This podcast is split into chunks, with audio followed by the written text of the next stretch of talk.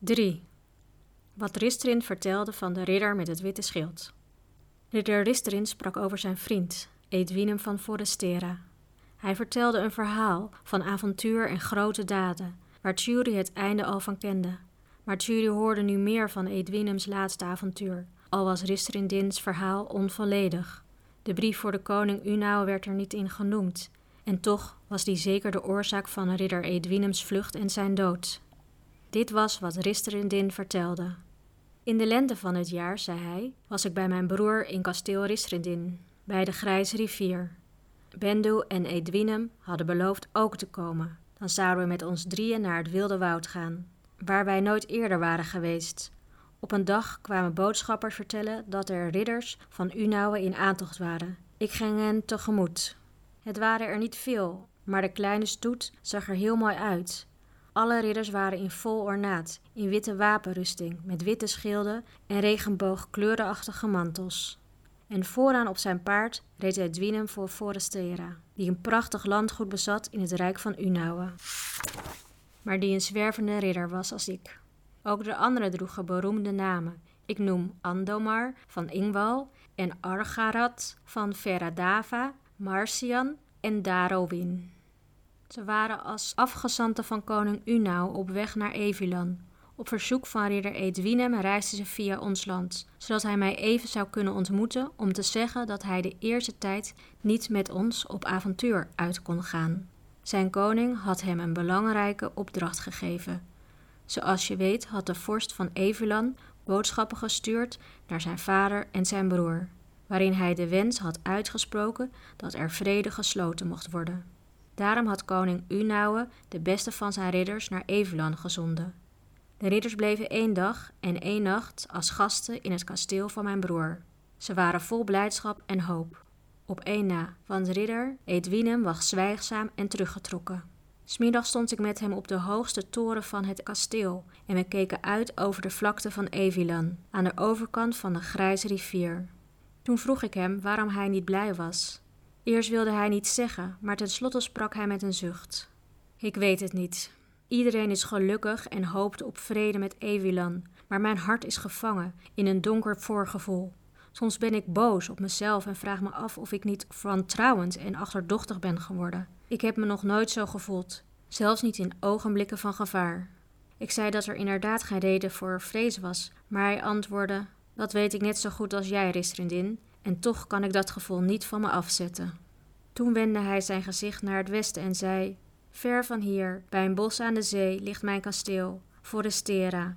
Ik heb het lief, en als ik er ver vandaan zwerf, wordt mijn hart blij als ik bedenk dat ik daar weer zal wonen. Maar nu word ik alleen bedroefd, en als ik eraan denk, en ik meen te weten dat ik het nooit terug zal zien. Ik vroeg hem of hij bang was voor verraad. Zeg dat woord niet hardop, zei hij. De vorst van Evelan is lang mijn vijand geweest. Ik heb tegen veel van zijn ridders gevochten en nog nooit heeft een van hen mij kunnen overwinnen. Maar nooit ook heeft een van hen zich onridderlijk tegenover mij gedragen. Daarom mag ik niet denken aan verraad, en toch. En alleen aan jou zeg ik het, Ristrindin. Toch geloof ik niet dat de vorst van Evelan werkelijk vrede wil. Ik ken hem, hij is slecht. Maar hij kan veranderd zijn, wierp ik tegen. God geef het, sprak Edwinem. Ik hoop het, ik hoop het, Ristrindin. Misschien zal ik, als ik hem straks zie, mijn voorgevoelens vergeten. De vorst van Evelan is zeer innemend. Hij lijkt zoveel op zijn broer, de kroonprins, dat wie hem ontmoet haast niet in zijn slechtheid kan geloven. Daarom juist is hij zo gevaarlijk. Toen schudde hij zijn hoofd en zei met een glimlach: Nu zal ik over dit alles zwijgen, Risrindin. Maak je niet bezorgd over mij.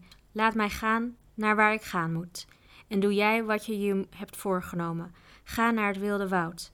Dat is goed, want haast niemand is er ooit geweest en je moet je eigen land toch kennen. De volgende dag namen hij en de andere ridders afscheid en gingen naar Evilan.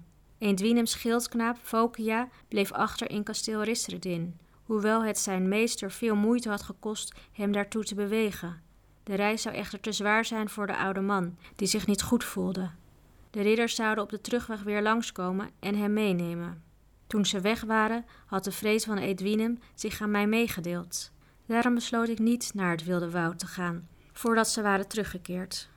Bendu kwam en wachtte ook, want hij wilde niet zonder mij gaan. We staken de grijze rivier over en gingen Evulan binnen, maar hoorden er niets bijzonder. Ook daar gingen geruchten van vrede en verzoening. Maar wij vernamen ook dat de krijgslieden van Evulan sterk in aantal vermeerderd waren en dat de grens van Unauwens rijk streng door hen werd bewaakt. Intussen begon de zomer te naderen. Het zou gauw tijd zijn om te vertrekken naar de stad van Dagernout voor de grote vierjaarlijkse bijeenkomst. Naar het Wilde Woud konden wij niet meer gaan. Toen kwam de dag dat ik ridder Edwinem voor de laatste keer zou zien. Het was een eigenaardige dag. Het regende en de zon scheen tegelijkertijd. En de oude Fokia liep onrustig heen en weer, blompelend over een droom die hij had gedroomd en mopperend omdat hij niet bij zijn meester was. Op het uur van zonsondergang klopte er een vreemde ridder op de poort van kasteel Ristrindin. Deze wilde mij spreken, maar zijn naam wilde hij niet zeggen. De poortwachter dacht dat het een ridder was uit Evilan. Ik ging naar de poort, gevolgd door Fokia, die ervan overtuigd was dat de onbekende bezoeker iets met zijn meester had te maken. Daar stond de ridder. Zwart was zijn wapenrusting, zwart zijn schild en zwart was zijn paard. Maar zelfs zonder dat paard zou ik geweten hebben wie het was. Al sloeg hij zijn vizier niet op en al deed hij alsof hij mij niet kende. Ik liet hem binnen, maar noemde hem niet bij zijn naam. Pas later, toen we samen waren, was onze begroeting hartelijker. Wat is er gebeurd, Edwine? vroeg ik. Dat je alleen hier komt en in het zwart als een ridder uit Evilan. Het was de enige manier om uit dat land weg te komen, antwoordde hij. Ik haat het, dit zwart te dragen, maar eronder is het wit verborgen en dat zal gauw weer te zien zijn. Hij kon of wilde niet zeggen wat er aan de hand was. Zijn komst moest geheim blijven. Ik begreep dat hij om de een of andere reden was gevlucht en dat hij haast had. Als het niet noodzakelijk was geweest dat hij en zijn paard even rust namen, was hij niet eens gekomen.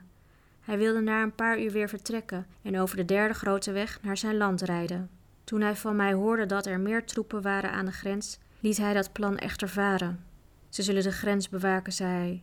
De zuidkant van Unauwens Rijk is voor een groot deel in hun macht. Het bos van Forgota is wel veilig, maar Evelands krijgers liggen op de loer in de Zuiderwindbergen. En er zullen er nu meer zijn dan een paar maanden geleden. Nee, ik zal met een omweg naar het land van Unauwen gaan.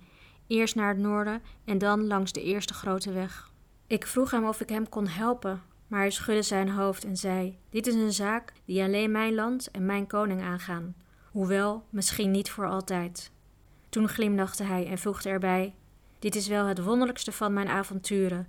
Ik ben op weg in het diepste geheim, vluchtend alsof de dood mij op de hielen zit, in het zwart gekleed als een dienaar van de nacht. Maar misschien is dit ook wel mijn belangrijkste opdracht. God geven dat ik mijn doel mag bereiken. Meer zei hij niet. Een paar uur later reed hij weg, maar hij was niet meer alleen. Zijn oude schildknaap volgde hem. Ik bleef in zorg, vrees en twijfel achter. De volgende dag stak een stoet in het rood geklede ruiters de rivier over en begaf zich naar het noorden. Mijn broer en ik hielden hen tegen en vroegen wat ze deden in het rijk van Dagonaut. Ze antwoordden dat ze door hun vorst gezonden waren om hun hulde te betuigen aan koning Dagonuit ter ere van het feest op midzomerdag. We konden niet anders doen dan hen te laten gaan. De betrekkingen tussen ons land en Eveland waren de laatste tijd immers goed geweest. Terug in het kasteel beraadslaagde ik met Bendu en mijn broer.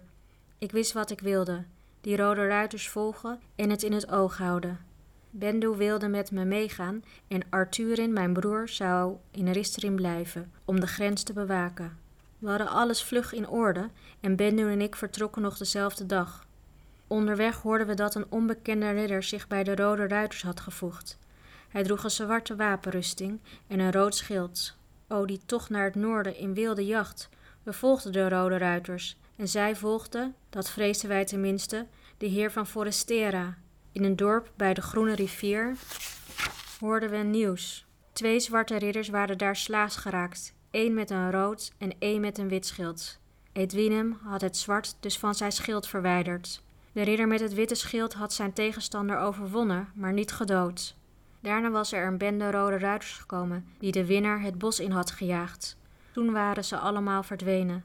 Later echter was een oude man, die in het gezelschap van de winnende ridder was geweest, teruggekomen en spoorslag gereden in de richting van de hoofdstad. Toen we dit gehoord hadden, splitsten we ons gezelschap. Bendo reed naar de stad en ging het bos in. maar ik vond geen spoor van enig ruiter of van de zwarte ridder met het witte schild. Ten slotte ging ik ook maar naar de stad, waar ik aankwam net na de feestelijke inwijding van de nieuwe ridders. Er werd natuurlijk veel gesproken over de jongeling die was weggelopen, maar op dat ogenblik vond ik dat niet zo belangrijk. Ik dacht aan Edwinem en aan de Rode Ruiters.